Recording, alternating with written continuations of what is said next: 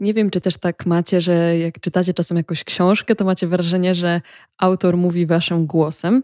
Ja miałam dokładnie właśnie takie doświadczenie, czytając książkę Polubić Poniedziałki, czyli Bliżej siebie nie tylko w weekendy, autorstwa mojego dzisiejszego gościa, czyli Michała Niewęgłowskiego. Michał jest nauczycielem medytacji z 20-letnim doświadczeniem, jest współtwórcą pierwszej polskiej aplikacji medytacyjnej Intu, organizuje festiwal Kazimiernication, prowadzi bloga, jest osobą, która ym, na maksa mnie inspiruje do tego, żeby wrócić i pogłębić swoją praktykę medytacyjną, bo czuję, że dotknęłam dotknęłam tematu bardzo powierzchownie, a to, jak Michał mówi o medytacji, jakoś bardzo, bardzo ze mną zagrało. Rozmawialiśmy właśnie przy okazji premiery tej książki, Polubić Poniedziałki, bo za tym enigmatycznym tytułem kryje się cała filozofia i podejście Michała do tego, jak sprawić, żeby nasze życie codzienne było dużo bardziej w zgodzie z nami, na tyle, żebyśmy nie musieli uciekać w festiwale świadomościowe, vipassany czy jogowe mm, obozy, tylko żebyśmy byli w stanie z nich korzystać, bo to są niesamowite i piękne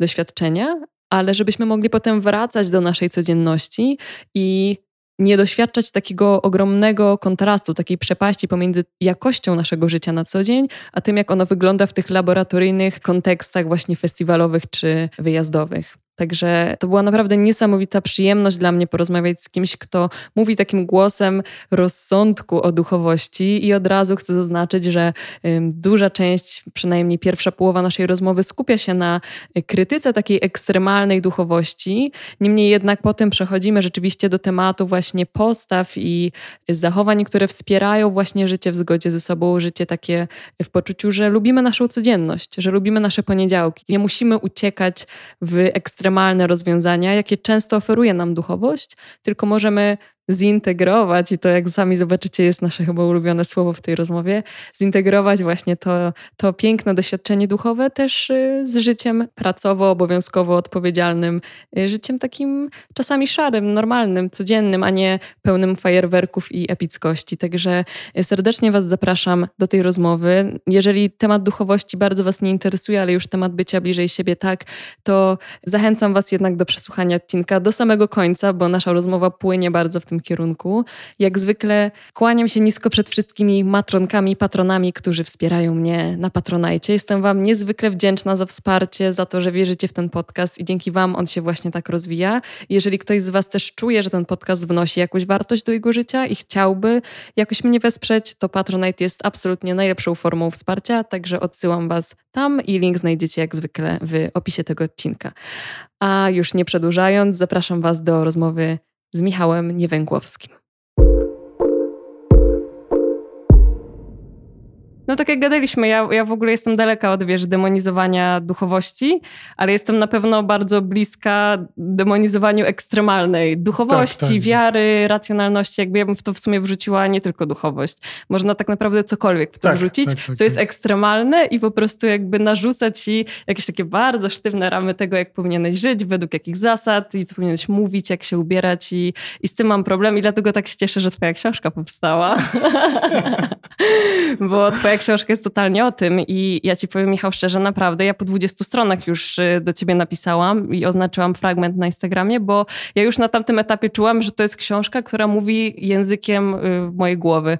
To był taki głos, którego mi na maksa brakowało w duchowości, czyli taki głos trzeźwego rozsądku, który jakby widzi trochę więcej, widzi szerzej, a nie patrzy tylko na to, jako na odpowiedź na wszystkie życiowe problemy. Więc na maksa ci w ogóle dziękuję za to, że napisałeś taką książkę. E, słuchaj, mi jest przyjemnie tego słuchać, że to jest, e, że ta książka mówi językiem, e, jaki ty masz w swojej głowie, bo ty jesteś bardzo mądra. To znaczy, że, to znaczy, że jest szansa, że ja też jestem. No przestań, no przecież ty od 20 lat siedzisz w tym świecie, więc ja, ja myślę, że zebrałeś dosyć, dosyć dużo doświadczenia, żeby w ogóle ta książka też powstała. No, tak. Yy, czy chcesz, żebym rozwinął Bardzo to? Bardzo bym chciała, tak. Wiesz co, no, no dużo, tak. No jakby y, jak zacząłem w to, mm, jak troszkę o tym mówiliśmy wcześniej, że jak zrobiłem pierwszy kurs jakiś tam swój oddechowo-medytacyjny, to mi się to super spodobało i w ogóle tak wiedziałem, że to już jest, wtedy miałem 21, 2 lata, jakoś tak. No, Prawie tyle, co ja. I zrobiłem sobie taki pierwszy kurs i on mi się, ja wiedziałem od, od, jakiegoś już czasu, że chcę medytować, że mnie to ciekawi. Miałem w zasadzie decyzję podjętą, że sobie pojadę na taki warsztat, ale ciągle ją przekładałem, bo to, bo tamto, bo sram to głównie byłem po prostu zajęty dobrą zabawą. E, jak zrobiłem ten kurs, to potem już w ogóle tak skracając tą opowieść, jakby mm, on mi się bardzo podobał i w ogóle miałem takie do, fajne doświadczenia i takie nowe dla siebie, jakiegoś takiego dotykania takich obszarów, które gdzieś tam miałem przesłonięte wcześniej, pomimo tego, że mi się wydawało, że jestem taki w ogóle otwarty i taki w ogóle wyluzowany i tak dalej. I pomimo tego, to jest też ciekawe, że pomimo tego, że to doświadczenie było dla mnie cenne, pomimo tego, że na nie czekałem jakiś czas, Trzy dni po tym, tym wróciłem do swoich starych, dobrych nawyków, czyli wpadłem po prostu w kilkumiesięczny rock'n'rollowy cuk, taki, ale tak naprawdę, że już po prostu płynąłem bez trzymanki. I, I właśnie po, wtedy, i potem chyba po tych dziewięciu miesiącach mówię, o nie, o nie, o nie, w ogóle coś jest nie tak, coś jest nie tak. Mówię, jadę, zrobię sobie takie ćwiczenia oddechowe, które tam zrobiłem na tym warsztacie, bo one mnie jakoś tak, yy, tak jakby nastrajały. Tak jak wyobraź sobie, jak jest gitara, czy nie wiem, nie wiem skrzypca też się stroi? Stroi się, no są tak, klucze. Tak, no. tak, tak. no to jak, nawet jak masz najlepszy instrument i masz w ogóle najlepszego muzyka, to jak to jest nienastrojone wszystko, no to, to nic nie zagrasz. No i tak samo jest z nami, nie? Ja już po prostu czułem się czułem się po prostu, pomimo tego, że robiłem rzeczy, które lubię, czyli po prostu świetnie się bawiłem z jednej imprezy na drugą, to po prostu gdzieś tam w środku czułem, że jestem rozstrojony tak naprawdę.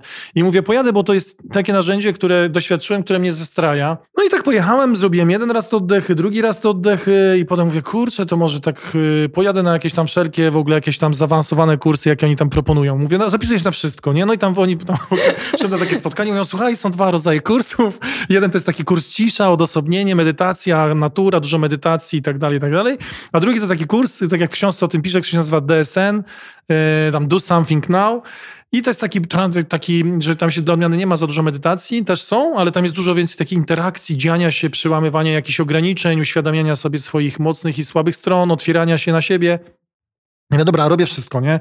Zapisałem się na jeden i drugi, ale okazało się, że jeden się nie odbywał ten cisza, bo było tak dużo chętnych na ten DSN, bo to był taki jakby nowy format, że były dwa takie DSN-y po 200 osób. No i pojechałem na ten DSN, tam miałem to doświadczenie, o którym piszę w książce, gdzie znaczy ja tam miałem szereg różnych doświadczeń i w ogóle, a w ogóle jeszcze jechałem na ten DSN, słuchaj, prosto z imprezy, yy, prosto z imprezy, bo to jeszcze był wyjazd autokarem i ja w zasadzie jeszcze taki lekko natrybiony alkoholem i jointami, pojechałem, wsiadłem w ten autokar i pojechałem na kurs medytacyjny, rozumiesz? I w ogóle to jest co ciekawe, ja na tym kursie byłem całkowicie sobą. Na przykład w przerwach ludzie tam toczyli jakieś wartkie rozmowy o karmie, o jakichś tam nie wiem, kurwa, przeszłych wcieleniach albo coś tam, a ja tam znalazłem bilard, bo to był taki dziwny ośrodek i tam był taki stary stół bilardowy i ja non znalazłem takich dwóch gości ze Szczecina, którzy byli dobrymi bilardzistami i myśmy w przerwach po prostu non-stop w tego bilarda. Wiesz, w ogóle jakby nie, byli, nie byłem w konwencji, wiesz, że och, w przerwie to jestem wyciszony, po prostu byłem z sobą, nie? Myślę, że to jest jeden z czynników, dla których miałem to swoje takie ekstatyczne, duchowe doświadczenie, bo to, to jakby w psychologii to się też opisuje jako takie doświadczenie ekstatyczne. E, w jodze znalazłem takie nazwy na to, bo szukałem oczywiście, bo ja wszystko sprawdzam i no, albo dużo rzeczy sprawdzam e, i jakby też weryfikuję i tak dalej. To się chyba nazywa nirvikalpa samadhi. To jest właśnie taki stan takiego, że czujesz tylko miłość i spokój, takie wyciszenie i to jest y, no jakby psychodeliki przy tym to jest żart. Uwierz mi, ten stan, kiedy naturalnie się to w jakiś sposób załącza, osią- no nie wiem, czy dobre słowo jest osiągasz, bo to w zasadzie tak wpływa w ciebie. No, mam doświadczenie i z psychodelikami, i z tym, i to, no, mm -hmm, mhm, po prostu no, trudno to porównać, bo to jest po prostu tak, tak, tak rozpierające, jakieś takie naturalne, takie prawdziwe.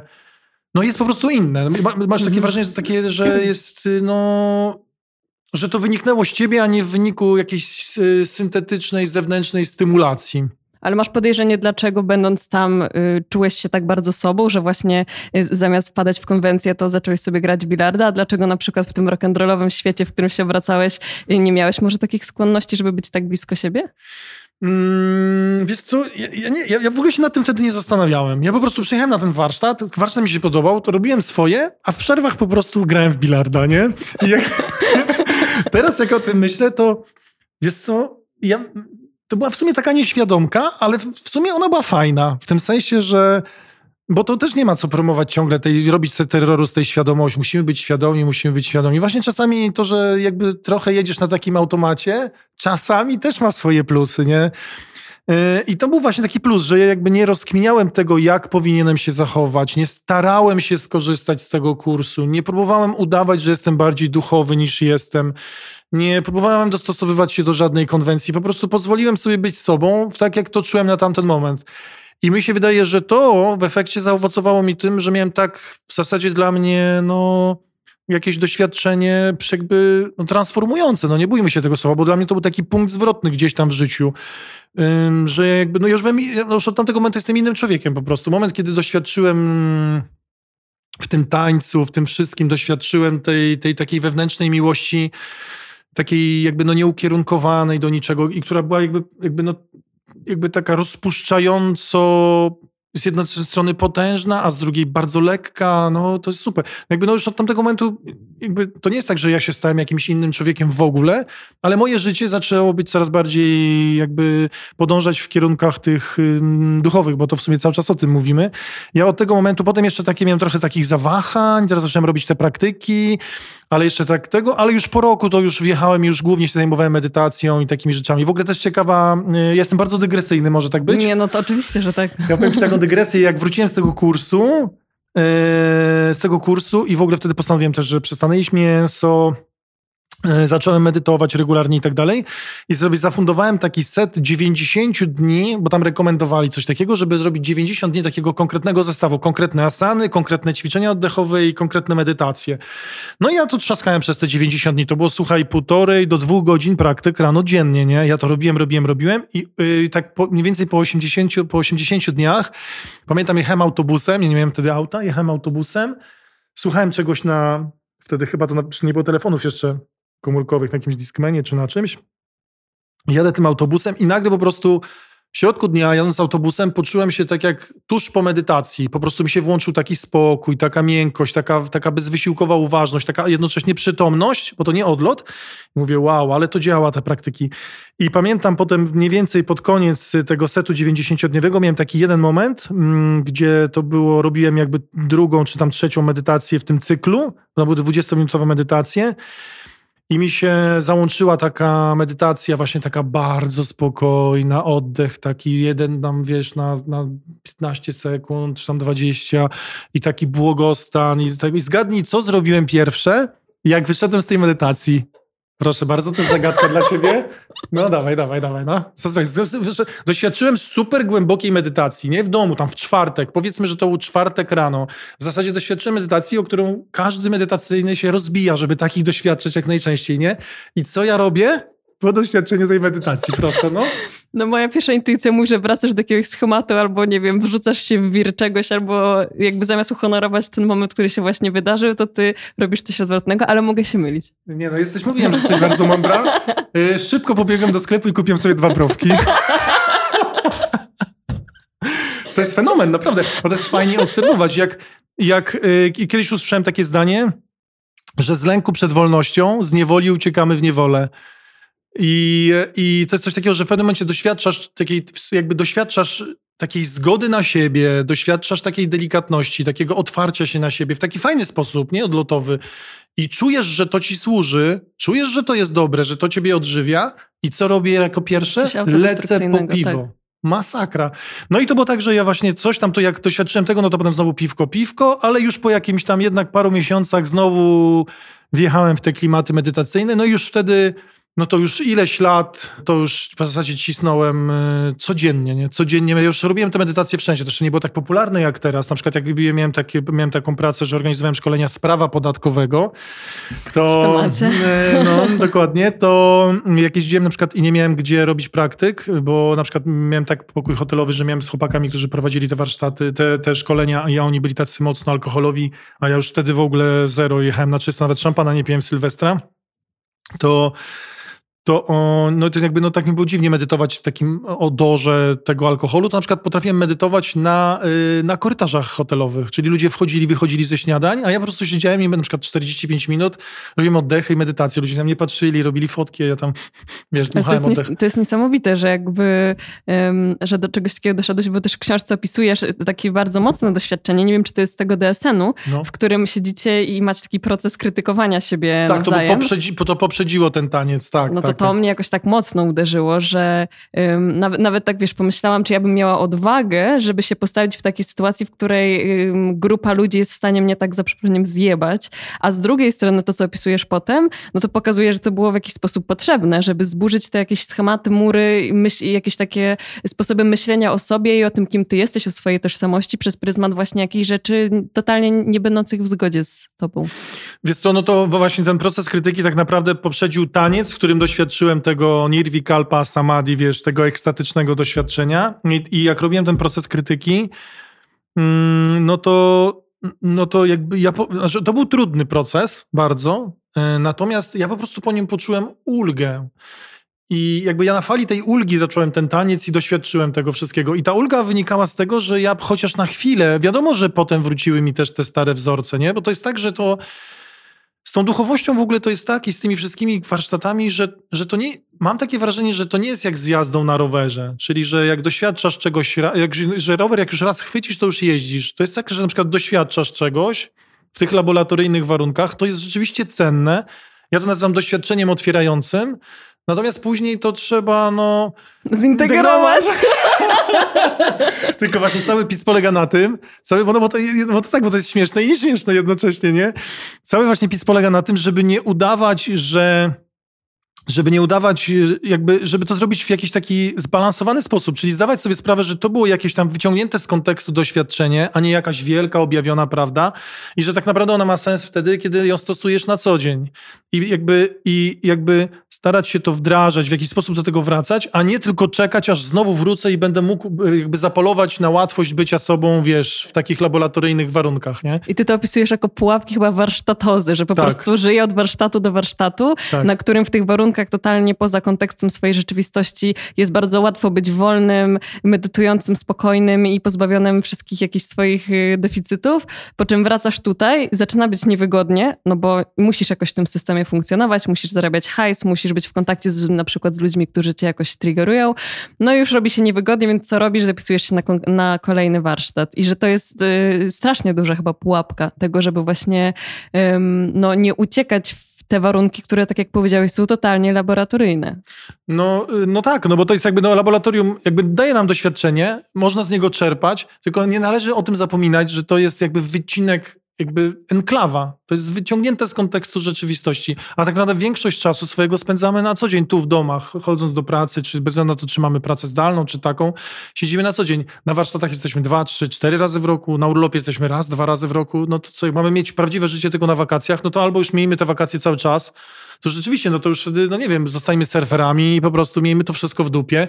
Albo jeśli jednak gdzieś tam żyjemy w Warszawach, Poznaniach, Grójcach czy gdziekolwiek, mamy dzieci, one chodzą do szkoły, pracujemy, to nauczmy się te doświadczenia, które mieliśmy tam, w jakiś sposób zaprzęgać do tego naszego codziennego życia. Inaczej, no to jest takie oczekiwanie, to jest jakby, no to jest taka, to jest tak, że my się po prostu tak funkcjonujemy w takiej codzienności, a podskórnie oczekujemy, aż pojedziemy na ten warsztat czy na wakacje i gdzieś tam i po prostu i tam będzie fajnie. I też nie zapominajmy, że na warsztatach zachodzi taki mechanizm, ja o tym powiem, choć sam prowadzę warsztaty i też zarabiam na tym pieniądze, to jednak uczciwość należy powiedzieć, że że taki warsztat jest trochę jak festiwal. Czyli jak ludzie się zjeżdżają na pięć dni na festiwal, to łatwo być życzliwym. Bo, bo, bo, tak, po pierwsze ta życzliwość jest w naszej naturze i my tego chcemy. Być życzliwi, akceptować się nawzajem. Tak naprawdę każdy z nas tego chce. I chce to dostać i chce to dać. Tak w wielkim skrócie. Więc jak się zjeżdża pięć... No, ja mam festiwal też, tak? W, w Kazimierzu. Jak się ludzie zjeżdżają na te pięć dni na ten festiwal, to tam jest, no to jest po prostu eksplozja życzliwości. Ludzie sobie cenią tą atmosferę, ładują się tą energią czasami na kilka miesięcy. I to jest cenne i ważne. Natomiast też nie zapominajmy o tym, że to jest po prostu łatwe, bo się widzimy przez pięć dni. Tak samo jak łatwo, czasami łatwiej jest realizować seksualne fantazje z kimś poznanym nowo, niż z partnerem, który, na którym nam zależy, którego kochamy, którego trochę się boimy odsłonić, trochę się boimy, że on może coś o nas pomyśleć. I czasami łatwiej od, jakby odsłonić się i jakby pokazać prawdziwą twarz komuś obcemu, z kim się po prostu, wiesz, na Tinderze przecięliśmy na chwilę, i potem myśleć, Boże, ale z tym to miałem seks, a z tą swoją żoną to w ogóle tego nie mam. Ale to nie wynika, żebyś nie mógł mieć tego z tą żoną, tylko po prostu boisz się to zrobić.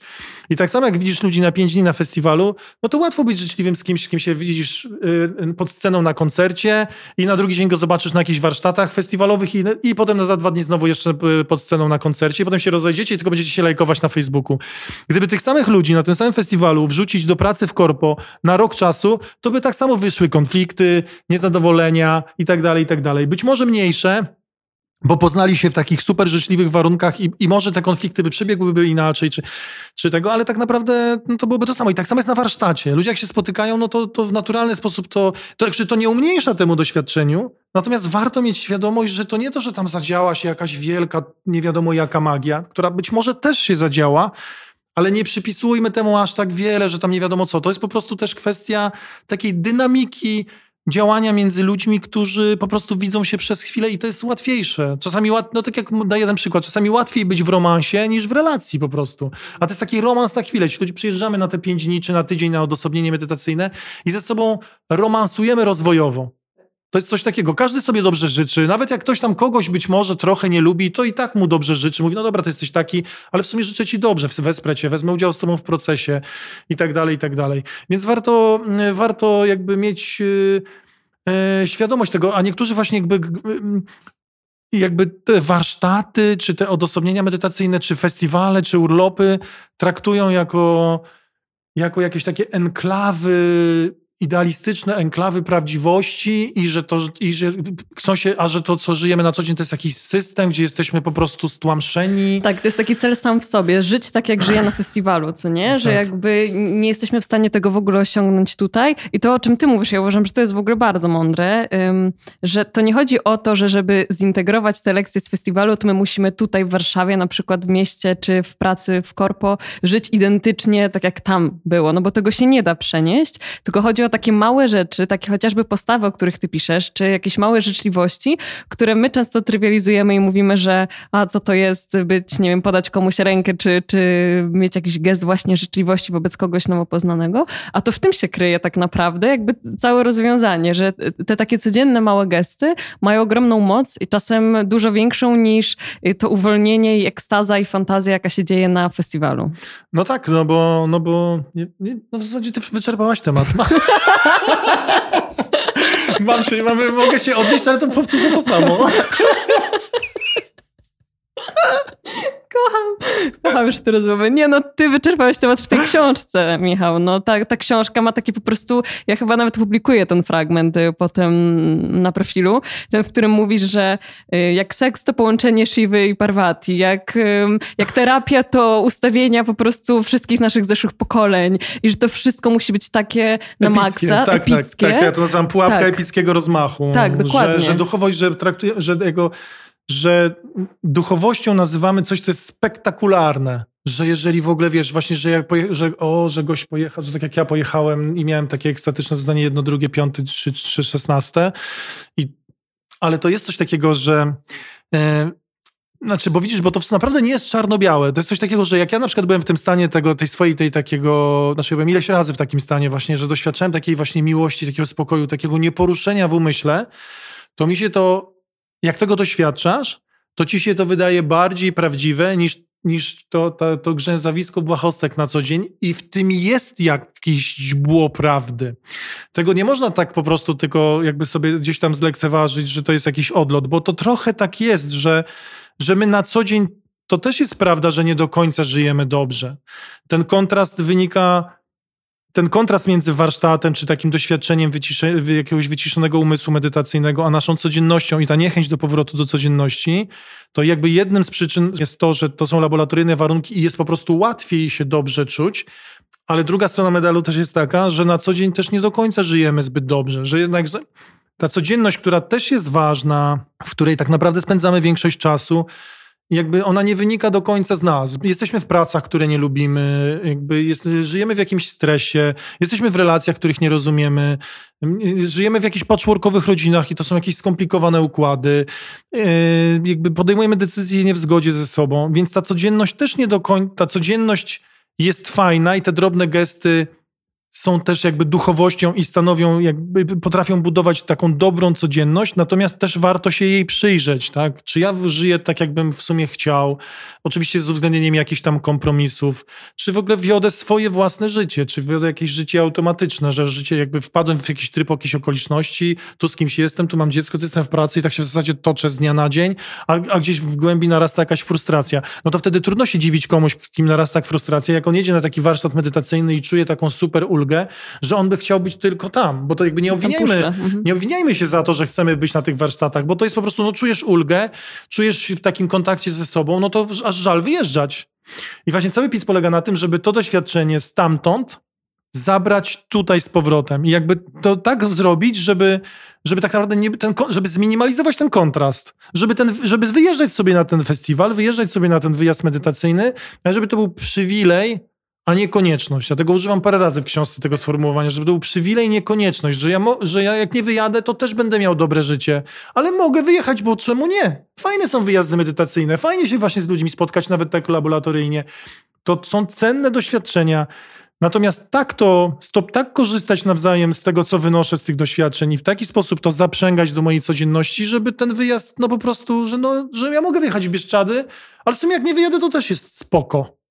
I to jest cały pic. A my bardzo właśnie żyjemy tak jakby ze skrajności w skrajność, nie? Jakby przerzucamy się z jednej niechętnej jakby rzeczywistości, który, której nie do końca chcemy uczestniczyć i która nie do końca jest nasza, w taką, która przerzucamy się, w która nie do końca jest prawdziwa. Tak, I jest... tak. Wiesz, co mi się bardzo podoba, że właśnie odruch, odruchem jest to, że jeżeli jadę na festiwal, jest super, a potem wracam, jest beznadziejnie, to szukam kolejnego festiwalu. A to, co ty robisz, to jakoś tak przekierowujesz uwagę na to, żeby nie, nie patrzeć na to, dlaczego tam jest tak dobrze, tylko patrzeć, dlaczego tu jest tak chujowo. No. I jakby przewartościować, zweryfikować to, co mogę zmienić w tym życiu codziennym, żeby ten kontrast zminimalizować i mówisz o postawach.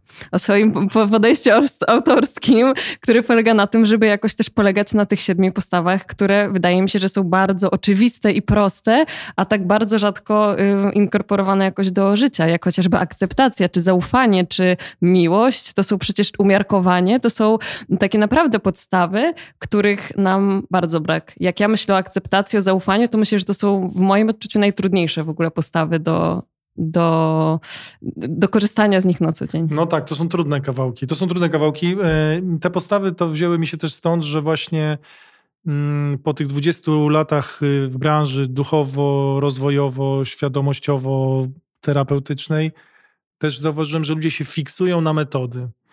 I, i jakby. Mm, i ja to widzę wszędzie. Czy ktoś jest terapeutą i jest superwajzowany i w ogóle psychodynamiczny i w ogóle Nancy McWilliams, która w zasadzie też o tym mówi, czyli guru psychodynamicznej. Ona mówi, że dwie w zasadzie podstawowe przeszkody w byciu dobrym terapeutą, jest taki wywiad ostatnio z nią oglądałem, to jest z jednej strony nieżyciowość, to znaczy, że ktoś pracuje metodą, a nie relacją, tak naprawdę, że jakby nie korzysta z metody i pracuje w oparciu na relacji ze swoim klientem, tylko tak naprawdę jedzie, met, ciśnie metodą, a ta relacyjność jest na drugim planie.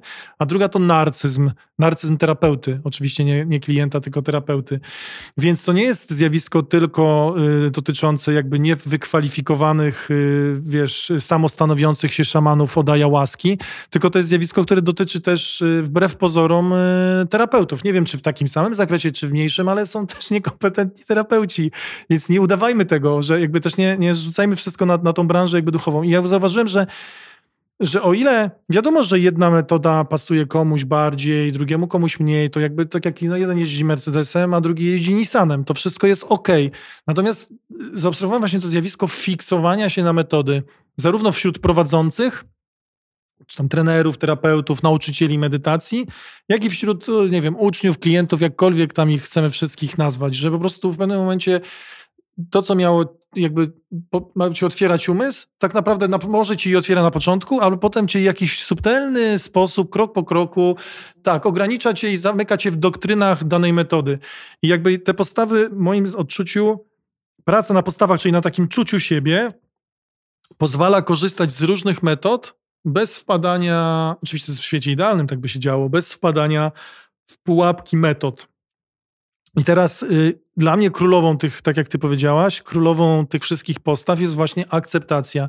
I ta obserwacja wyszła mi z tego, że ja już y, E, po pierwsze widziałem to w sobie, bo też widziałem to w tych wszystkich ludziach, którzy przychodzą mnie na warsztaty, czy wszystkich, którzy, z którymi rozmawiałem przez te ileś lat, tych wszystkich, tych, że po prostu jest, to jest niekończący się maraton poprawiania się, nie? Ludzie jeżdżą, najpierw, dobra, robił tam, jeździł Hellinger, dobra, był 15 lat temu był modny Hellinger, czy tam no, z 10 lat temu tak był rozkwit Hellingera, wszyscy robili Hellingera, nie? Po prostu, dobra, Hellinger, dobra, no to pracują z rodem, matka coś tam, ona się obraziła na ojca, to wyszło mi w ustawieniach, dobra, okej, okay, dobra, wszystkim wychodziło, to był, najs to był najsłynniejszy tekst 10 lat temu w branży duchowej, najczęściej słyszany tekst to wyszło mi w ustawieniach, nie?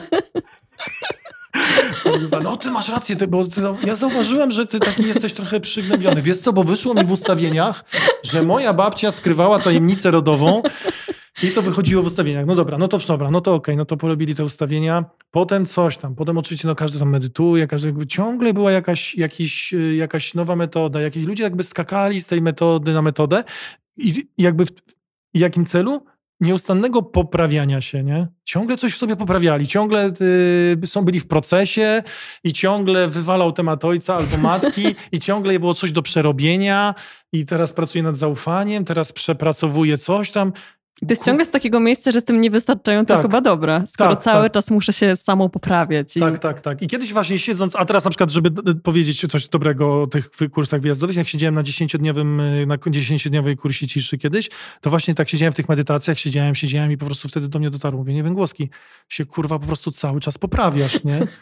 I w ogóle to było takie śmieszne, bo było 40 osób na tym 10-dniowym kursie, on był taki wyczekany, bo wcześniej były takie formaty siedmiodniowe, jak akurat tam, tam, gdzie ja jeździłem, nie? I tak ludzie czekali kilka lat na ten dziesięciodniowy i tam przyjechał taki specjalny w ogóle turbo, w ogóle medyteusz, w ogóle no, jakiś tam, który nam prowadził ten dziesięciodniowy format.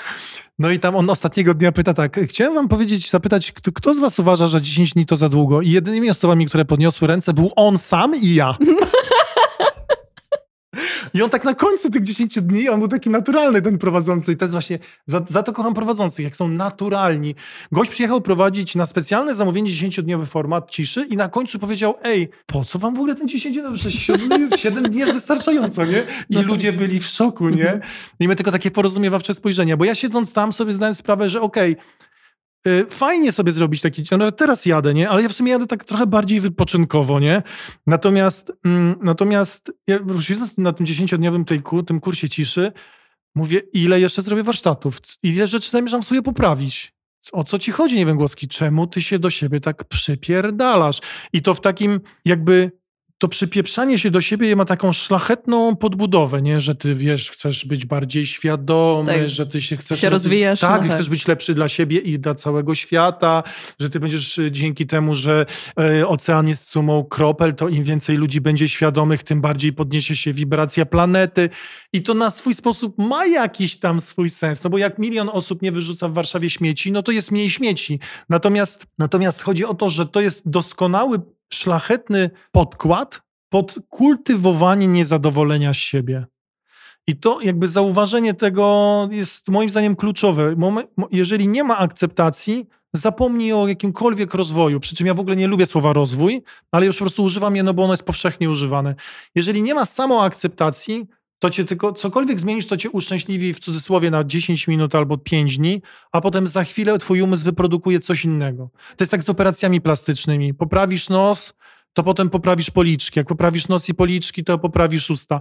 Nie ma temu końca. I jakby dlatego ja uważam, że sama akceptacja czy samoakceptacja jest po prostu jest, jest królową postaw, czyli takiego jakby czucia siebie. Jest jedną z tych postaw, żeby, żeby zmieniać nie dlatego, że muszę, tylko dlatego, że coś mi służy. Bo akceptacja nie oznacza, że ja będę kultywował zastany jakiś tam dany aspekt. Ja mogę, akceptacja tak naprawdę pozwala Akceptacja w ogóle jest najlepszą bazą do zmian. To jest taki paradoks. Jest im więcej akceptacji, tym bardziej klarownie się widzisz. Im bardziej klarownie się widzisz, tym bardziej widzisz, co warto zmienić, żeby ci pracowało. Tak, no i jak, jakby z, z pozycji akceptacji możesz pracować nad, nad sobą nie karając się, bo ja mam wrażenie, że w ogóle hmm. super, to jest super mechanizm taki autoprzemocowy, że jakby jeżeli ja nie lubię siebie i uważam, że nigdy nie jestem wystarczająca, to ja się mogę po prostu sukcesywnie, wiesz, batować kolejnym kursem i kolejnym ustawieniem hellingerowskim, bo nigdy nie jestem tak naprawdę ukontentowana z tym, co jest tam w środku. Więc taka praca nad sobą, y, bo mi się wydaje, że ona też często jest tuszowana tym, że wiesz, że y, dopiero jak popracuję nad sobą, to mogę wejść w relację jakąś taką na przykład dojrzałą, że z pustego nie nalejesz, że no i wiesz, i to jest też kolejny jakiś taki językowy wytryk, no. że um, i wtedy bardzo łatwo jest uzasadnić tę pracę nad sobą właśnie takimi szlachetnymi um, um, jakby powodami, a to jest bardzo takie właśnie karające. Karające i w sumie autoprzemocowe. Bardzo. To jest, to jest na przykład, w to się wkomponowują też y, oczyszczające diety, nie? Tak. Już samo słowo oczyszczające, tak, nie? Tak. Że po prostu, że tak jak, no to jest, no, no to jest, y, no my wiemy jakby w, z historii doskonale, my tu w Europie wiemy, kto używał określenia, że coś jest czyste lub nieczyste, nie? No naprawdę, no tak. w duchowości jest dużo faszyzmu. E, wbrew pozorom. Jakby tak się dużo mówi, wiesz, że miłość, że jesteśmy jednością, ale bardzo często, o ile rzeczywiście jak się doświadcza, nazwijmy to, głębokich stanów medytacyjnych, to rzeczywiście czuć tą jedność i taką miłość do ludzi. I to, I to jest fakt, jakby to jest niezaprzeczalne i to nawet jak są psychologowie, którzy zajmowali się doświadczeniami mistycznymi, to oni też to jakby potwierdzają w swoich jakichś tam badaniach. Natomiast jednocześnie to może się stać jakby taką takim pustosłowiem, którym się usprawiedliwia taką, takie unif, jakby narzucanie kon konkretnego, zunifikowanego, to jest to, co gadaliśmy jeszcze wcześniej, y, zanim włączyłaś nagrywanie, takiego zunifikowanego, konkretnego, że wszyscy są jak z jednej sztampy, z jednej matrycy. Wszyscy muszą być roztopieni w jaźni, czuć jedność. To jest przemocowe po prostu. A może ktoś nie czuć jedności? A, może, a dlaczego mamy na przykład nie mówić sobie też, że w nas jest agresja? Ja na przykład 20 lat medytuję we mnie jest agresja, nie? I w ogóle się tego, nawet co więcej, jestem z tego zadowolony, bo to mi daje poczucie bezpieczeństwa, że jak mnie ktoś napadnie, to mu tak. po prostu zajebie w łeb. Tak. I to mi daje, no tak, no taka prawda. I to w żaden sposób nie stoi w konflikcie do tego, tak. że do twojej duchowości Do twojej chociażby. duchowości i do tego, tak. że ja mogę nawet czuć współczucie do tego gościa, który mnie napadł. Że jak, co on musi mieć w bani, żeby trzeć się na kogoś w lesie, żeby go napadać. Jak on musi być głęboko nieszczęśliwy. Ja mogę czuć dla niego nie litość i nie poczucie wyższości, tylko autentyczne współczucie, ale jednocześnie jak on mnie napadnie z kijem, no to przecież mu nie powiem, nie spojrzę mu w oczy i nie powiem mu, słuchaj, ale ja czuję dla ciebie współczucie, bo zanim to powiem, to po prostu padnę nieprzytomny od uderzenia kijem. Tego się zasłonię i go po prostu mu oddam, odepchnę go albo cokolwiek. I zrobię to dzięki agresji i przetrwam. Więc jakby też... Yy... Analogicznie tylko ci powiem, no. że ja uważam, że stawianie granic jest bardzo podobne do tego, o czym ty mówisz, czyli yy, możesz być duchowy, ale i, i, możesz jakby roztopić się w tej jaźni, kochać, bo to są też piękne wartości, też o tym gadamy, dlatego, że chyba oboje czujemy, że w tym jest bardzo dużo wartości, w byciu połączonym z naturą, byciu rzeczywiście współczującym, byciu wrażliwym na to, co, co cię otacza, na drugiego człowieka. To nie są jakieś, wiesz, yy, złe wartości, to są naprawdę piękne rzeczy, tylko że no właśnie, jeżeli na przykład nie roztapiasz się w tej jedności, tylko potrafisz stawiać te granice, no to jesteś w stanie, będąc na przykład na takim warsztacie, czy będąc w grupie ludzi, którzy są w tej jedności i na przykład robią coś, co jest dla ciebie totalnie już y, przekroczeniem twojej granicy, postawisz, potrafisz powiedzieć nie, potrafisz być asertywny i to mhm. też jest piękne, że ty nie musisz się wtapiać w to, co oni robią i akceptować wszystko, tak, bo tak, na przykład czujesz, że to coś już jest dla ciebie przekroczeniem. Tak, tak, tak, tak. No i właśnie, no tak. I też właśnie e, jakby nie należy u, jakby ulegać takiemu um, jakby to jest tak, że, że to jest jakby pewnego rodzaju jakby koncept tej jedności, tego, że jesteśmy wszyscy razem i tworzymy plemię, jesteśmy jednością, że on właśnie staje się przemocowy przez to, że też narzuca pewne y, preferowane zachowania i odruchy. I to, I to nie jest dobre. To jest tak, że I, jakby, i, to, I to też wynika, ten koncept jakby też wynika z, bardzo często z udawania, że jest się czymś, y, kimś bardziej niż się jest. Czyli, że mm, ciągle się gada o tych wysokich wibracjach, że jak ktoś czuje smutek, to znaczy, że on za mało medytuje albo za mało zrobił służby na rzecz ludzkości i on jest wysoki, on, jest, on czuje smutek, to jest w niskiej wibracji. Albo czujesz agresję, to jesteś w niskiej wibracji. I to, to, jest, to jest przemocowe, to jest faszyzm, bo to jest, i to jest tak naprawdę, to wszystko jest związane z Mm, z chęcią, nie tyle z poszukiwaniem prawdy i wolności, tylko z poczuciem wyższości. Jestem świadomy, czyli jestem lepszy od ciebie, tak naprawdę, w domyśle. Zobacz, że w tej branży duchowej oni dzielą świat na świadomych i nieświadomych, czyli tak naprawdę na jakich? Na lepszych i gorszych. To jest po prostu jed, to jest festiwal niskiej samooceny, przebrany kurwa w duchowe szaty z kadzidłami w tle. I, no taka prawda. I wiesz, i w poczuciu jedności. I teraz ta, na czym jeszcze polega ta przemocowość, że że kiedy właśnie mówisz, dzielisz ludzi na wisokowibracyjnych i tam jakieś dane emocje na wysokowibracyjne i niskowibracyjne, to tak naprawdę zaprzeczasz własnemu człowieczeństwu, bo smutek jest elementem życia. To, że się gorzej czujesz, że, masz, że czasem jesteś zniecierpliwiona i nie wiesz dlaczego, albo właśnie czujesz agresję, albo czujesz gniew, to są naturalne rzeczy. Nie chodzi o to, żeby za nimi podążać i dawać im upust, ale żeby po prostu być ich świadomy i żeby przyjąć. je poczuć w ogóle. Tak, żeby je przyjąć. A to się w duchowości nazywa praca z cieniem i praca z cieniem polega na tym, żeby transformować cień w wysoką wibrację. A ja się pytam, po kiego wała? Nie można po prostu to zaakceptować, że to jest i po prostu postawić to na półce i po prostu mieć świadomość, że to jest, nie musisz z tego korzystać, ale masz to, że, że to masz. Tak jak każdy z nas ma agresję, to jest ewolucyjne. Tak naprawdę y, ewolucyjnie y, osobniki agresywne były promowane, bo miały większą szansę po prostu przeżyć w czasach, kiedy żyliśmy w 50-osobowych stadach i każdy żył 30 lat i byli inni osobnicy, którzy nas mogli zabić, zwierzęta, głód. No wszystko się mogło wydarzyć, te choroby, jakieś napady. Więc każdy z nas to ma. Ja daję jako agresję jako przykład, nie jako, że ja promuję agresję, tylko podaję to jako taki przykład, żeby też to skontrastować. I ja ją mogę postawioną mieć na półce. Nie znaczy, że ja muszę z niej korzystać, ją hołubić i pisać o niej wiersze, albo mówić, że ona jest w ogóle, w ogóle esencją mojego istnienia, ale wiem, że ją mam. I sobie ją stawiam i jak nadejdzie pora, da Bóg, nigdy nie będę musiał skorzystać, to sobie jej skorzystam. Po co ja mam to transformować w wysoką wibrację, się pytam, nie? To jest moim zdaniem, to jest przemocowe, że ktoś przychodzi do mnie i mówi, stary, bo ty, no wiesz co, ja widzę, że ty jak, y, wiesz co, ostatnio boksowaliśmy na rękawice, no to ja widziałem, że ty miałeś frajdę z tego, wiesz, że, że zrobiłeś unik i walnąłeś mi prawy sierpowy. No miałem frajdę.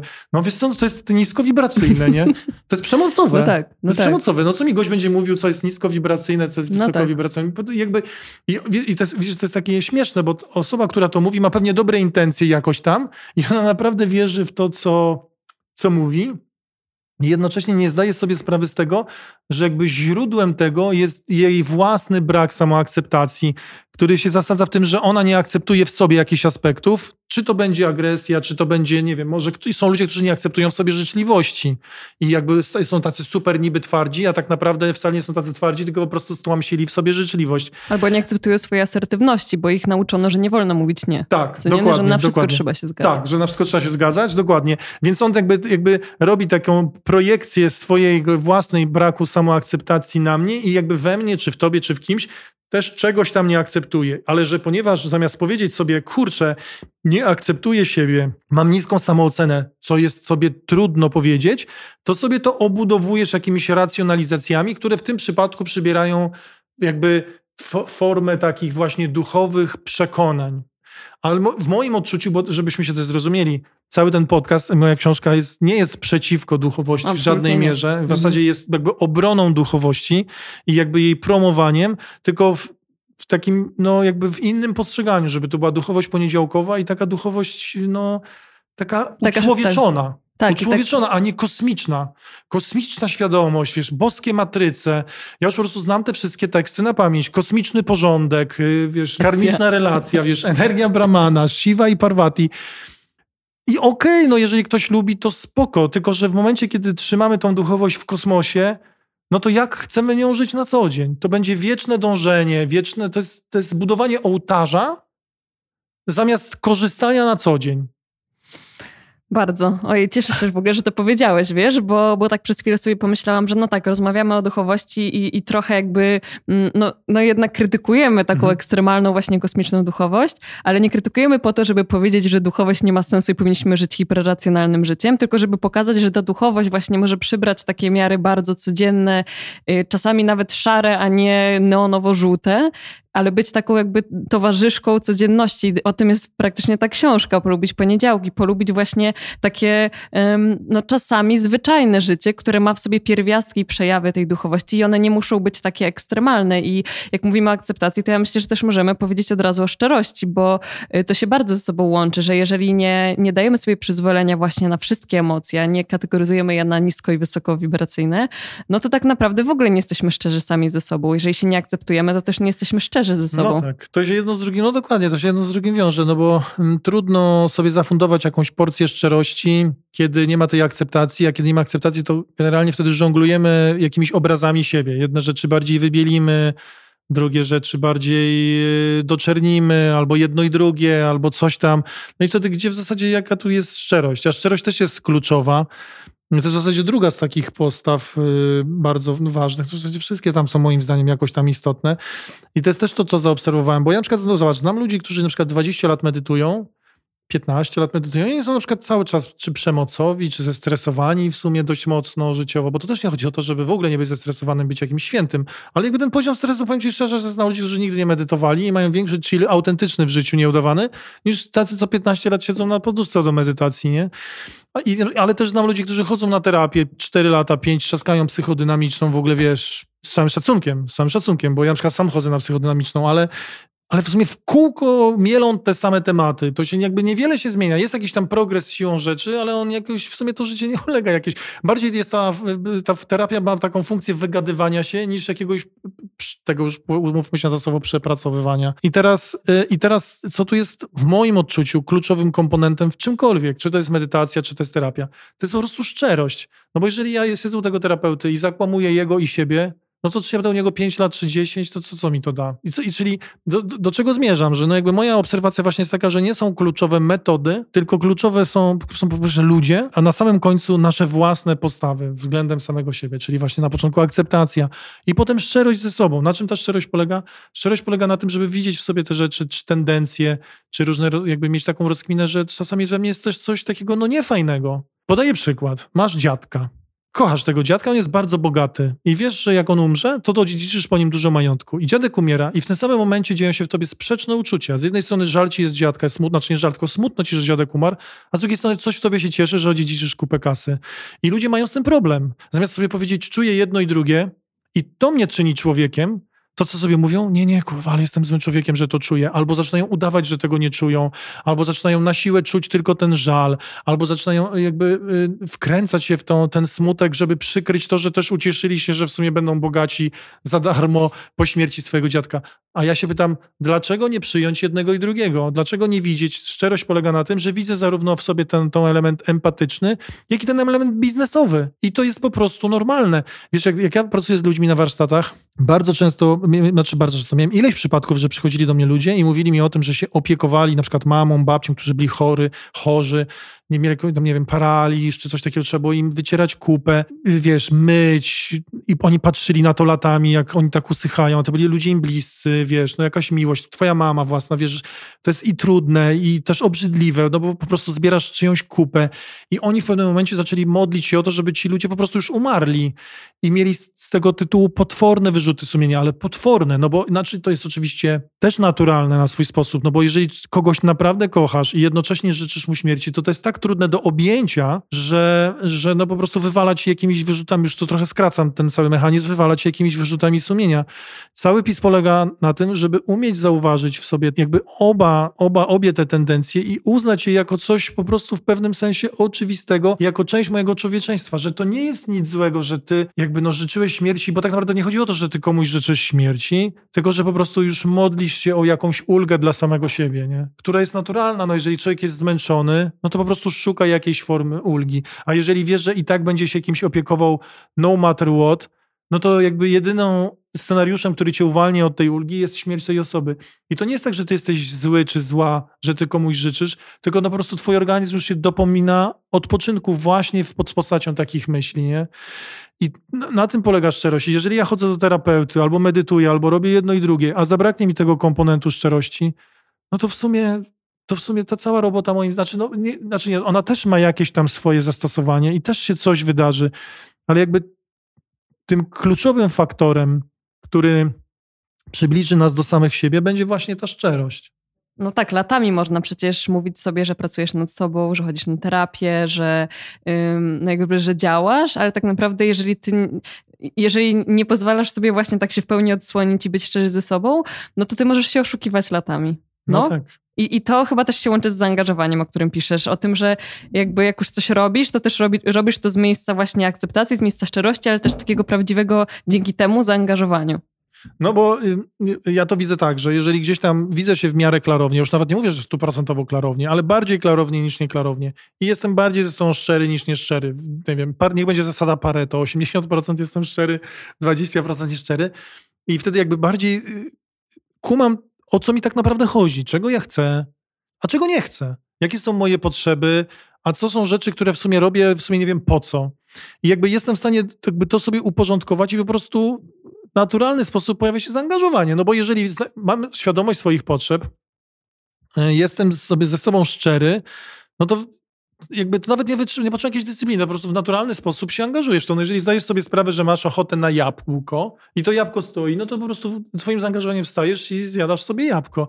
No i w pewnym sensie, no to oczywiście jest takie uproszczenie, no ale w pewnym sensie zaczynasz e, jakby angażować się w, swoje w życie w zgodzie ze swoimi własnymi wartościami i ze swoimi własnymi potrzebami. I to, to zaangażowanie jakby w pewnym sensie odbywa się, znaczy wymaga decyzji, ale na bazie tej szczerości, naturalności, yy, akceptacji odbywa się w taki naturalny sposób. No bo bez zaangażowania, jaką, jaką możesz mieć? Potrzebę, masz potrzebę bliskości, no to jeżeli też się nie mhm, zaangażujesz no tak. w jakieś, nie wiem, w, potrzebę bliskości z drugą osobą choćby, no to jeżeli się w jakiś sposób w to nie zaangażujesz, no to też nie, nie, nie zapełnisz sobie tej, znaczy, znaczy nie dasz wyrazu tej, tej potrzebie. Więc siłą rzeczy, kiedy zdajesz sobie sprawę ze swoich potrzeb, no to też y, zaangażowanie jest esencjonalne, żeby zrealizować tą potrzebę. Nie? No tak, albo możesz mieć potrzebę, załóżmy, bliskości, ale masz jakiś taki lęk, który sprawia, że nie jesteś w stanie sobie tej potrzeby zaspokoić, więc robisz jakieś takie unikowe i y, niekoniecznie dobre dla ciebie, tylko toksyczne rzeczy, zachowania, no bo tak jest łatwiej, więc w sumie tak tłumaczysz sobie to na przykład tą potrzebą, ale tak naprawdę nie wiem, właśnie wchodzisz w relacje, się szybko z nich wycofujesz. No tak, tak. No a to jest właśnie wynik braku szczerości, jakby takiej... No tak, to się łączy, no, rzeczywiście. To się łączy. To się łączy. No tak. Nawet jeżeli zrobisz kilka takich uników, no bo, to, bo jakby wielu z nas cierpi na ten y, mm, lęk przed bliskością y, z takich czy z innych przyczyn. Z reguły, na przykład w moim przypadku, to się wiąże po prostu, y, czy też wiązało z lękiem przed stratą, do czego na przykład doszedłem gdzieś tam na terapii. I u mnie była taka sytuacja, że najprawdopodobniej taka jest przyczyna. Tak ja sobie to czuję i tak gdzieś tam do tego doszedłem. I jak ja miałem niespełna lat 12, to mój ojciec y, zginął tam tragicznie, w, jakiej, w jakichś tam w ogóle przedziwnych okolicznościach. Y, gdzieś tam ja tego w jakiś sposób, y, znaczy ja to przeżyłem i jednocześnie tego nie przeżyłem, w tym sensie, że to tak naprawdę wypierałem i, i szedłem tym sznytem, że chłopaki nie płaczą i, i tak dalej, i tak dalej. To w ogóle mi się skumulowało w systemie nerwowym na lata. E, gdzieś tam później ja sobie to jak w jakimś tam stopniu uwalniałem, natomiast we mnie się pojawiło tak, no jakby ja miałem doświadczenie raptownej straty osoby mi najbliższej e, i, i jakby ja też w swoim życiu e, tworząc relacje, o których marzyłem i w ogóle taki mając romantyczne dość usposobienie, tak naprawdę też niby byłem w tych relacjach, a niby w nich nie byłem. Taki lęk właśnie przed bliskością. I ja latami do tego dochodziłem, o co chodzi. No i to jest y, jakby, no, jakby no lęk przed bliskością, ale lęk przed czym? Jak, jaki konkretnie lęk? No to w moim przypadku akurat, no to była, to była to sytuacja związana po prostu z lękiem przed kolejną stratą kogoś ważnego, że to już wolisz się nie zaangażować, albo zaangażować się trochę, że jak go stracisz, to trochę pocierpisz, nie? I tak naprawdę, no ale no, to jest, ostatecznie to jest kwestia wyboru, co każdy z nas woli, czy woli jakby działać na pół gwizdka i na, jakby na pół korzystać i ewentualnie na pół gwizdka potem przecierpieć, czy lepiej skorzystać na cały gwizdek i ewentualnie na cały gwizdek przecierpieć. No to już jakby no co kto lubi. Moje doświadczenie jednak jest takie, że takie brak zaangażowania i brak takiego bycia na 100% yy, raczej realizuje ten scenariusz straty bardziej niż właśnie zaangażowanie, że, że szczerze powiedziawszy nigdy nie masz pewności, czy się jakiś związek przetrwa, czy nie przetrwa, czy dana bliskość przetrwa, czy nie przetrwa, ale na pewno większe szanse są, że nie przetrwa, jak dwie strony są niezaangażowane. Bo tak naprawdę tak naprawdę to, co spaja w pewnym momencie, to jest właśnie to zaangażowanie. Czyli to jest taki paradoks, że chcąc czegoś uniknąć, tak naprawdę bardziej się na to skazujemy. A dając sobie przestrzeń, na, na, dając sobie zgodę na to, na to przykre, ewentualne przykre doświadczenie, tak naprawdę otwierając się na kompletność życia, czyli tak naprawdę co jest tego źródłem? Akceptacja, że akceptujesz obie strony medalu, że ja daję czasem takie mm, ćwiczenie na warsztatach, że rzucam monetę i każę ludziom podnieść tylko awers. Po prostu tak się nie da. No nie no da. Tak, albo nic no nie tak. podnosisz, albo podnosisz awers i rewers. A my w życiu próbujemy podnieść tylko awers. Chcielibyśmy podnieść tylko to, co fajne i, i jakby zniwelować wszystko to, co, co ewentualnie jakby ten minus, który za tym idzie. I to jest na swój sposób też jest naturalne, tylko że tego się po prostu nie da. Jak jesteś z kimś w relacji rok, dwa, pięć, dziesięć, jeżeli już jesteśmy przy tym przykładzie, Nigdy nie masz pewności, czy druga osoba od ciebie z jakichś powodów nie odejdzie. No nie ma tej pewności po prostu nigdy. I, I albo się angażujesz na 100% i w tym jesteś, i jednocześnie jakby korzystasz na 100% dopóki trwa, i tak naprawdę zmniejszasz szansę tego odejścia, no albo jesteś na pół i tak naprawdę zwiększasz te szanse. No to jest takie, no... I to się już, czy lęk przed bliskością, czy przed odrzuceniem, to się wszystko łączy też z zaufaniem. Bo popatrz, że to, co powiedziałaś, nigdy nie masz pewności, wchodząc nie w relację masz. z drugim człowiekiem, że on spełni wszystkie twoje jakieś wymogi, oczekiwania i zachowa się dokładnie tak, jak ty przewidzisz. Y, ta osoba może cię zaskoczyć, ale jeżeli zaufasz, że no okej, okay, no nawet jak zaskoczy, no to może to jest też tego warte, żeby doświadczyć te, tej relacji w pełni, tak jak powiedziałeś, tego człowieczeństwa w całości, które nie składa się tylko z miłości, bliskości i szczęścia, ale też składa się z trudów, smutków i straty. Tak, dokładnie. Więc tak. ufasz, że no też jakoś, jakoś, jakoś to udźwignie, żeby to jest pełne doświadczenie. Ufasz, że udźwigniesz, albo że jak nie udźwigniesz, to, no to, no to że to jest jakaś naturalna konsekwencja twojego wyboru. Że, że no zaufanie, no to, to jest, na przykład dla mnie to był bardzo trudny kawałek z tym zaufaniem życiowo. I na, na swój sposób cały czas jest. Bo ja jestem takim typem y, sprawczo kontrolującym. Ja się tak naprawdę uczyłem odpuszczania w życiu i uczyłem się i doświadczałem w swoim życiu i kontroli na maksa i od, odpuszczania. I jakby kontrola w jakichś krótkofalowych y, sytuacjach czasami jest y, bardzo potrzebna i przydatna. Natomiast kontrola jako pomysł na życie jest wyniszczająca, jest napięciowa, lękowa, stresogenna i energochłonna i odpuszczanie i zaufanie, takie mądre zaufanie, nie takie, że cię przestawiają z kąta w kąt, tylko zaufanie do, do własnych wyborów przede wszystkim, do własnych sygnałów, które płyną, co ci mówi intuicja, ciało, twoje potrzeby, no to jest ostatecznie to na przykład otwierając się na jakieś własne potrzeby, ostatecznie jest to jakaś forma zaufania, że ta potrzeba, to, że to, co słyszysz, że to jest prawdziwe, że ty jakby no zaufasz temu. Jakby fundamentem jest zaufanie do siebie i ufasz swojemu wyborowi i ufasz, że nawet jak przyjdą z niego jakieś minusy, a zawsze przychodzą z każdego wyboru jakieś minusy, no to, że jakby miało to sens, że te, że te minusy, które przyszły, ok, ale też były jakieś tam plusy, tak? Że jakby no jestem taki, taką podejmuję decyzję. No nie wiem, jesteś pracy, zmęczona po 10 latach pracy w korpo, no najbardziej banalny przykład. No już po prostu od trzech lat czujesz to, że chcesz być, nie wiem, nauczycielką surfingu, już surfujesz, już masz te papiery i w pewnym momencie podejmujesz tą decyzję, że dobra, zostawiam tą pracę w tym korpo, będę tą nauczycielką tego surfingu. No i to ma jakieś minusy. Nie masz stałej pracy, nie masz tam czegoś, nie wiem, wyprowadzasz się od przy miejsca, w którym do tej pory mieszkasz, masz swoich przyjaciół, wyprowadzasz się do Portugalii, uczysz ludzi surfować. I jakby przyjmujesz pewne minusy, ale jednocześnie no, masz takie zaufanie do tego, co się w tobie dzieje, że wtedy łatwiej jest te minusy przyjąć. Że okej, okay, no ale ja już nie jestem w stanie nie być nauczycielką surfingu, po prostu, po prostu tego chcę. I okej, okay, i wtedy łatwiej jest przyjąć. Kiedy nie masz tego zaufania, ciągle to kwestionujesz, to wtedy y, podejmujesz tą decyzję, że wyjeżdżasz, zostajesz nauczycielką surfingu i siedząc tam cały czas rozważasz plusy i minusy. A może powinnam zostać? A co ty myślisz, kochanie? I dzwonisz po przyjaciółkę, a może jednak wrócę do tego korpo, jeszcze jest czas. I każdy ci mówi jakby ze swojej perspektywy, tak, tak. więc ktoś ci mówi, ktoś ci doradza tak, jak to byłoby właściwe dla niego, ale to nigdy nie jest odpowiedź dla ciebie. I to, o czym mówisz, to jest totalnie wypisz, wymaluj sytuacja z mojego życia sprzed dwóch lat, kiedy wrzuciłam studia właśnie y, magisterskie z prawa międzynarodowego i podjęłam decyzję, że ja robię sobie przerwę roczną i szukam siebie. W sensie szukam w ogóle, czego ja lubię, poza tym, co mi powiedziano, że ja lubię i jestem w tym dobra.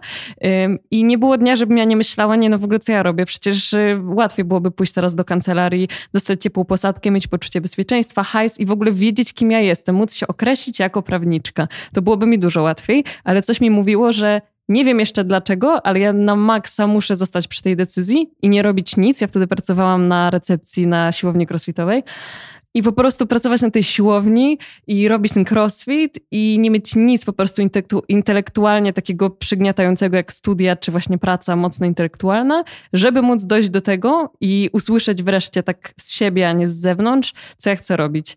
I nie było dnia, żebym tego nie kwestionowała, ale chyba tylko to zaufanie, że koniec końców ja poczułam w ciele i w intuicji mocno, że ja nie mogę już tego robić dalej, to to było ważniejsze niż, niż, to, niż to kwestionowanie. I gdyby nie to, to w ogóle nie byłoby mnie tutaj, myślę sobie. A i cieszysz się. No bardzo. No właśnie, to jest, no, to jest właśnie zaufanie, tylko takie mądre zaufanie, no tak. nie takie właśnie zaufanie, no tak. wiesz, że, że na przykład, że dzieje ci się coś złego i czujesz opór i ktoś przekracza twoje granice, a ty mówisz, ufam, ufam. że mhm. życie nie bez powodu ym, spowodowało, że mój szef mnie łapie za tyłek. No, no nie, tak. no po prostu ufasz, tak naprawdę ufasz wtedy swojemu oporowi który po prostu każe mu powiedzieć, człowieku, zabieraj łapy, nie? I w ogóle rzucam pracę i zgłaszam cię do, na policję, nie? No tak, ale często jakby ufasz, bo na przykład sygnały są psychosomatyczne. Ile osób ma problemy z Hashimoto, czy wiesz, problemy jelitowe z, od przewlekłego stresu. Ile osób ma stany lękowe, no mój przypadek, kolejny. Najgorsze stany lękowe w moim życiu, kiedy wreszcie do mnie doszło, że w ogóle nie żyję swoim życiem, że od lat y, odtwarzam jakiś schemat, bo uwierzyłam, że to jest y, najwłaściwsza droga, a nie dlatego, że ja tego chcę. I to po prostu już było tak intensywne, że musiała mi siąść y, psychika, że musiałam po prostu dostać po dupie przysłowiowo mm, na tym polu, żeby się zatrzymać i zaufać, że dobra, to jest wystarczająco mocny sygnał, żeby coś zmienić w swoim życiu, chociaż nie mam pojęcia, czy to jest właściwa decyzja. No dokładnie, ale to jest właśnie zaufałaś sygnałowi, tak, który tak. po prostu... No ja właśnie wychodzę z założenia, czy bez względu na to, czy jesteśmy ewolucjonistami, czy jakimiś, czy widzimy świat w, w, ramach kosmicznych energii, albo może jedno i drugie, no to ja wychodzę z założenia, że organizm jest życzliwy, że on jest tak zaprogramowany, żeby jakby zapewnić nam y, jakby no, przeżycie jak najlepsze, nie? I że te sygnały, które z niego płyną, czy to są z ciała, czy z intuicji, po prostu nam służą. Ja to tak jak w książce piszę, dla mnie to są takie raporty, które wysyła ci swój własny departament wewnętrznego FBI i CIA, wysyła ci to na próg świadomości, no i ty jesteś prezesem i coś z tym robisz, albo tam szefem czy prezydentem czy prezydentową i sobie szukasz, y, jakby czytasz te raporty i mówisz, dobra, no tutaj mi z Departamentu Intuicji piszą, żeby nie być z Tomkiem, a w ogóle Departament Odruchów Somatycznych mi wysyła informację, że coś się z nim widzę, to mnie skręca w brzuchu i po prostu czuję kłucie, że coś jest nie tak, nie? No i teraz czy ja zaufam własnemu CIA i FBI, czy, czy, czy nie zaufam? No i to jest... Y, ale oczywiście, uwaga, nie mo- y, trzeba uważać, żeby zachcianek i nastrojów. E, nie, I wiesz, zrobię tak, bo poczułem, właśnie to, co kiedyś gadaliśmy, żeby nie, nie przypisywać jakimś głębszym, y, przekminionym sygnałom, które gdzieś tam płyną z intuicji czy z ciała. Bo bardzo często y, w tej całej, jakże fajnej w sumie i, i, i, i takiej bardzo elastycznej i słuchającej ciała branży duchowej, jednak myl, mylone są te rzeczy, że po prostu zwykły nastrój zwykła zachcianka jest traktowana jako w ogóle przejaw kosmicznego porządku, za którym należy podążyć, nie? A to jest czasami po prostu zwykła zachcianka, której potem żałujemy i która, na przykład, i która jest tak naprawdę wbrew de, departamentowi naszemu wewnętrznemu CIA i FBI że przyjdą te raporty pogłębione, analizy takie, wiesz, y, treściwe i się okazuje, że to, że zachcianka to nie jest ta pogłębiona jakby, wiesz, y, Intuicja. rozkminka wewnętrzna, no, tak. intuicja. Tak, i ty też mówisz tak fajnie, już mówiąc o tych metaforach, o y, aktualizowaniu swojego wewnętrznego chyba systemu operacyjnego, operacyjnego i tak mówisz o medytacji, więc tak, myślę, tak. że to jest też bardzo ciekawe.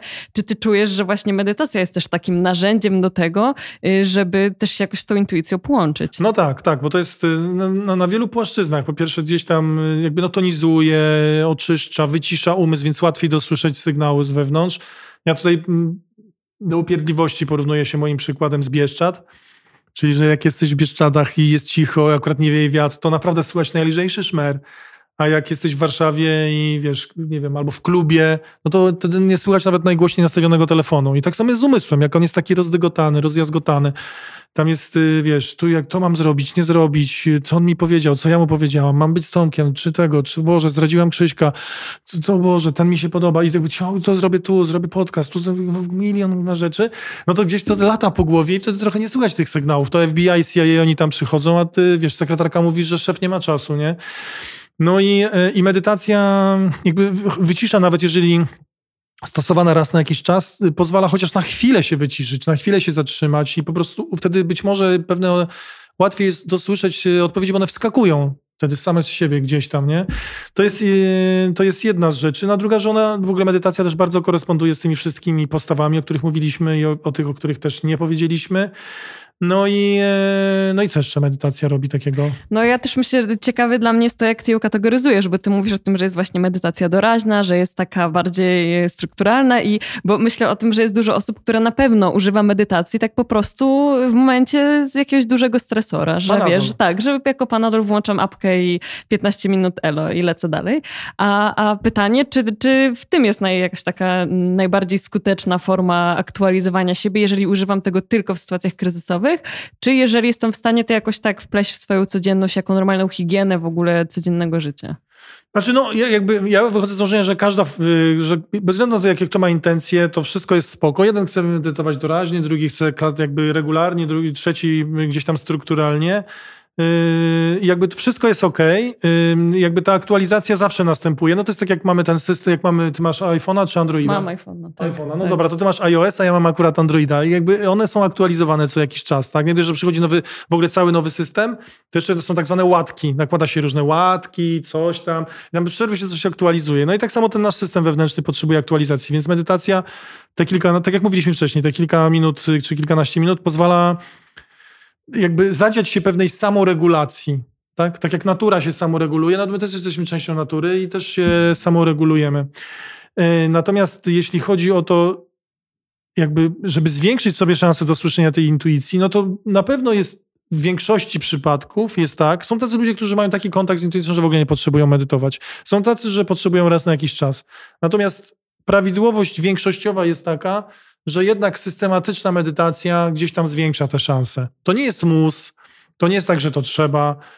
Natomiast no, jednak medytowanie, medytowanie regularne i też wyjazdy przynajmniej raz do roku na takie wyjazdy z ciszą, gdzie się nie, nie, nie mówi parę dni, gdzie jest natura, dużo tych medytacji, czy tam sporo powiedzmy, no to to już jest w ogóle taki naprawdę remont dla systemu wewnętrznego. To tak ten układ nerwowy tak się wycisza, odpoczywa i też y, no, umysł się wtedy jakby wysubtelnia i można łatwiej wyłowić te drobniejsze y, sygnały. I czasami jest też na przykład, że na przykład przegapimy coś w terapii, czy przegapimy coś na co dzień, to wtedy w tych medytacjach, y, jak się tak wysubtelnimy, to te takie mikrosupełki, które gdzieś tam zostały na dnie świadomości, łatwiej jest je zauważyć. To jest taki trochę taki mikroskop, taka lupa.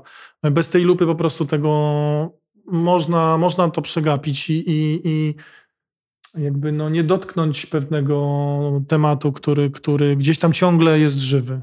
Okej, okay, ale czy po 20 latach twoja praktyka medytacji wygląda tak samo, jak, jak kiedy zaczynałeś? Czy, bo wiesz, ciekawi mnie dla osoby, która już robi to tak długo, y, jak tobie medytacja towarzyszy na co dzień? Czy to jest u ciebie już takie odruchowe, naturalne, jak mycie zębów, że ty po prostu robisz to codziennie, czy ty z tego korzystasz właśnie doraźnie? Nie, ja nie, my, yy, nie, my praktycznie codziennie medytuję. Miałem tak, na początku jak zaczynałem, to tak, yy, miałem takie skoki, Później miałem ileś lat medytacji codziennie, może przez 8, 9, 10 lat, no nie wiem, może 20 dni nie medytowałem na, na, na, na 3600. Rozumiesz, że to w zasadzie trzaskałem jak wariat. Potem miałem taki w ogóle moment, że się obraziłem na duchowość. Eee, miałem taki moment, to było, słuchaj, czekaj, kiedy to było? Z, no, z 5 lat temu, gdzieś tak po 5, po 15 latach miałem takie jakby wiesz, no nie wiem, palenie zawodowe, nie wiem jak to nazwać, to po prostu już nie mogłem słuchać tego o tych karmach, o tym wszystkim, jakby to był taki mój pierwszy mm, moment takiego otrzeźwienia, że duchowość sama w sobie też nie, czy, czy duchowość uprawiana w taki sposób właśnie przegięto, karmiczno, odlotowy jakby no nie jest odpowiedzią taką kompletną, no, którą mi chodzi i poczułem taki, taki, taki, taki, taki, taki opór, takie zniechęcenie. I potem poszedłem, ponieważ mi od tych koncertów, organizowania koncertów i tych, tych mi piszczy w uszach, poszedłem do, i wtedy miałem taki moment, że mi zaczęło bardziej piszczeć. I poszedłem do takiego gościa, jakiegoś tam neurologa, czy tam y, oto, otolaryngologa, który miał tam jakąś maszynę i w ogóle mi tam zaczął tłumaczyć, jak to w ogóle działa, skąd te piski.